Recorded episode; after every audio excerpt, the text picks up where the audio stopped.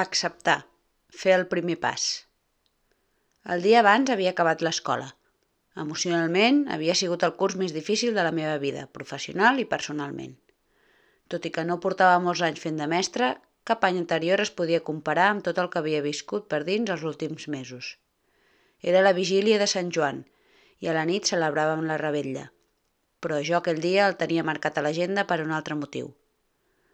La situació se m'havia anat de les mans i, per fi, havia decidit demanar ajuda.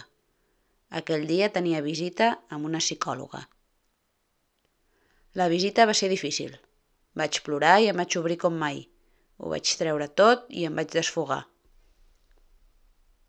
Per què li estava explicant a una persona que no coneixia de res tot allò que no m'havia atrevit a confessar a ningú?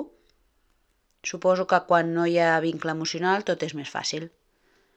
No tenia por de cebre-la. No em feia pànic que canviés l'opinió que tenia de mi. No m'espantava que em rebutgés. No trencava cap barrera emocional amb ella. Era evident que amb les persones que estimo de veritat no m'hagués pogut mostrar tan sincera i oberta. Vam estar parlant quasi dues hores. Durant la visita jo només tenia al cap la maleïda marató. Era conscient de tot el que em passava i del fet que tenia un problema amb la manera amb la qual em relacionava amb el menjar i l'exercici – però la marató se celebrava en menys de 5 mesos i sabia que si iniciava un tractament voldria dir parar de córrer, parar d'entrenar, no arribar a la línia de sortida. No córrer la marató de Barcelona. Què havia de fer, doncs? Parar del tot i aparcar el meu somni una altra vegada? No m'ho podia permetre. M'havia esforçat massa i havia sacrificat masses coses. Però havia de seguir fent com si no tenir la regla fos la cosa més normal del món? Havia de seguir ignorant les greus conseqüències que això tenia per la meva salut? Havia de continuar obsessionant-me per tot el que menjava i corria? M'havia de seguir castigant quan algun entrenament no sortia com jo volia? Havia d'acceptar que podia fallar? No podia parar de pensar en quina classe de persona seria si abandonava el meu repte. Em fallaria a mi mateixa i a la gent del meu voltant. Què pensarien de mi? Em veurien com una persona vulnerable, que no compleix el que es proposa. Una persona que falla en els moments més delicats, que no és capaç. Feia més de dos anys que estava perseguint aquest somni. No em podia ni volia permetre tornar a fracassar. Immensa en aquests pensaments, la psicòloga em va rescatar i em va tornar al present, mitjançant unes paraules que se'm quedaran gravades la resta de la meva vida. Tens un trastorn de la conducta alimentària, Mariona. Tens anorèxia nerviosa. No és una situació sense importància. Pots esperar a començar el tractament d'aquí cinc mesos, quan hagis fet la marató, però no estic segura de que hi arribis sencera. El risc de trencar-te de veritat és molt gran. Realment això és el que vols? Em vaig espantar molt. Anorèxia? Trastorn? Trencar-me? Aquest moment va ser el punt d'inflexió. No podia seguir fent com fins ara. Em costaria fer front a les inseguretats que generarien d'haver-me fallat a mi mateixa, però volia tornar a ser tan alegre com abans, treure'm el pes de sobre d'haver de mostrar-me indestructible davant de tothom, parar de pensar en el que menjaré o deixaré de menjar segons els quilòmetres que hagi corregut. Viure així era esgotador. Així que, tot i els dubtes, neguits i incerteses, no ho vaig voler pensar dues vegades – vaig acceptar que em calia parar i fer un reset mental. Si volia reaprendre a menjar i a fer exercici de manera equilibrada i amb salut, calia fer un pas endavant. Res del que havia fet fins ara havia funcionat. Tocava, doncs, assumir que jo sola no me'n sortia i que estava bé demanar ajuda. La psicòloga em va proposar seguir un tractament a un centre especialitzat en TCA, en trastorn de conducta alimentària en el qual tindria el suport i l'ajut de professionals sanitaris i compartiria àpats i teràpies amb altres pacients, les quals es trobaven en situacions similars a la meva. Tot plegat amb l'objectiu de connectar amb mi mateixa, d'esbrinar per què havia arribat a aquesta situació. Dia 1 Els primers dies van ser realment durs. Al centre hi havia noies i nois ingressats les 24 hores del dia – algunes persones amb situacions personals i diagnòstics realment difícils de gestionar. Anar-hi cada dia em suposava, per una banda, acceptar que jo també em trobava en una situació similar a la d'elles. I, per altra banda, haver de seguir unes normes que xocaven molt en un primer moment. A part d'enfrontar-me també a no saber què menjaria cada dia per dinar i berenar. Aquests àpats els feia sempre allà, la resta a casa. En aquest aspecte, el que més em va costar és fer-me la idea de que menjaria ultraprocessats pràcticament a diari. Crema de xocolata, Nutella, galetes, iogurts ensucrats, sucs de fruites, pa blanc... En definitiva, vaig començar a menjar tot allò que m'havia estat prohibint durant pràcticament dos anys. Era dur, per mi, fer aquest canvi d'un dia per l'altre, sobretot psicològicament. Estava clar que havia d'augmentar de pes, però a força de no menjar saludable, de tant en tant, d'acord, però cada dia? pensava jo. Tocava fer front a aquests pensaments i aprendre a obviar-los. Si em posaven això per menjar, seria per alguna cosa. Era moment d'aprendre a flexibilitzar, d'entendre que seguint una dieta saludable la major part del temps, ingerir aliments que no són tan beneficiosos, no només no em faria mal, sinó que gaudiria del seu sabor i m'ajudaria a no ser tan rígida de ment. Ja arribaria el moment de poder decidir jo quan em venia de gust menjar ultraprocessat segons el context i quan era millor escollir aliments més saludables, però en aquell instant estava en mans de professionals i havia de seguir les seves pautes. Tot i que ho tenia molt clar, no puc negar que hi havia moments difícils on la meva ment feia de les seves i pensava en compensar. Però vaig aconseguir fer-ho bé pràcticament en totes les ocasions que em tocava menjar, que eren moltes. El nutricionista del centre em va pautar menjar 5 o 6 vegades al dia i ingerir molta quantitat de menjar. Sembla fàcil, però haver de menjar sense gana un dia rere l'altre no és gens agradable. Hi havia dies que menjava literalment per inèrcia, no m'entrava res, però m'havia d'esforçar. Per altra banda, acudir al centre també era difícil perquè havia de verbalitzar el que em passava, posar paraules a les conductes que m'havien portat a patir el meu trastorn alimentari. No ho havia fet en tota la meva vida, així que començar no era senzill. Solució? Deixar fluir. Obligar-me a sentir. A aprofitar al màxim les teràpies grupals. Escoltar les companyes, les quals posaven paraules al mateix que sentia i havia viscut jo, i això m'ajudava molt i m'animava a participar en les converses, posant en escena les meves inquietuds i pors. En relativament poc temps sentia que avançava molt. Hi havia dies millors i pitjors, però tenia la sensació de que mica en mica estava descobrint qui era – què sentia, què em feia mal, què podia millorar. Estava aprenent a valorar-me i a acceptar-me.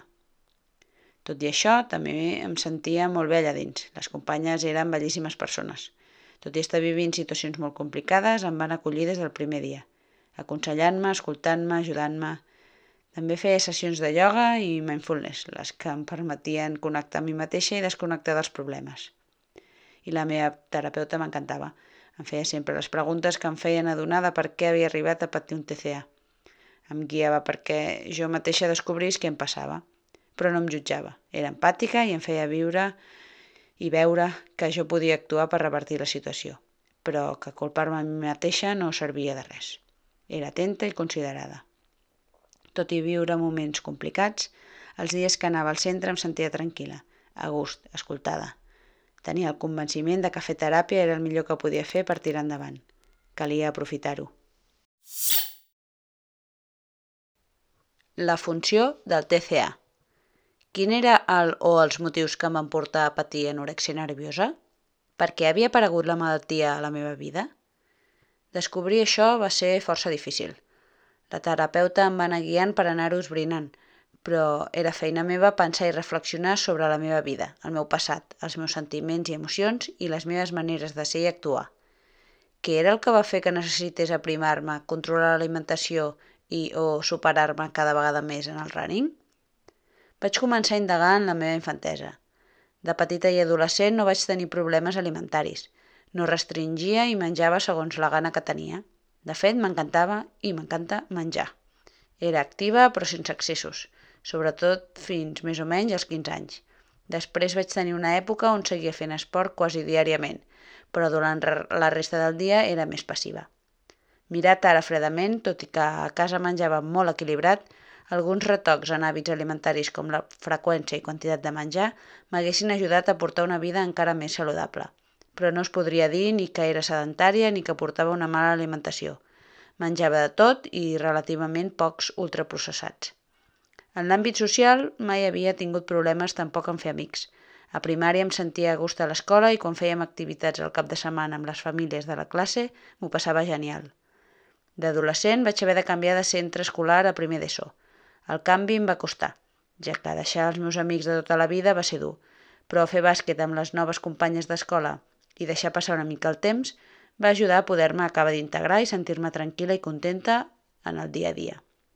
Actualment tinc molt bon record moltes companyes i companys amb els quals més em vaig relacionar durant aquella època, segueixo tenint contacte, fins i tot algun amic íntim.